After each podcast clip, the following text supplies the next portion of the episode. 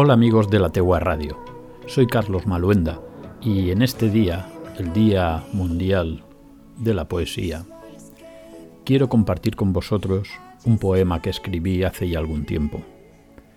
Aprovechando también estos días de cuarentena que estamos sufriendo, he seleccionado un poema donde lo mundano pasa a un segundo plano, donde lo que de verdad importa es lo espiritual, lo abstracto, lo que puede unirnos en la distancia. Te he buscado.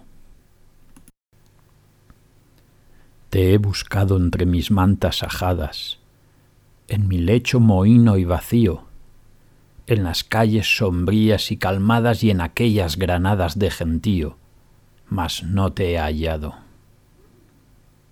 Te he buscado en los jardines y en las plazas, entre balcones, columnas y arcos, en las sillas que abarrotan las terrazas y en los puertos donde arriban nuevos barcos.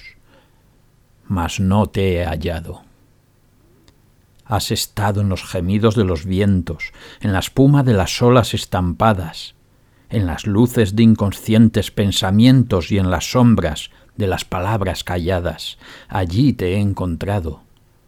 Has dormido en las entrañas de la vida, en el enigma que tiñe de luz a la aurora, en el amor de la mujer no nacida y en el alma de quien no está aquí ahora.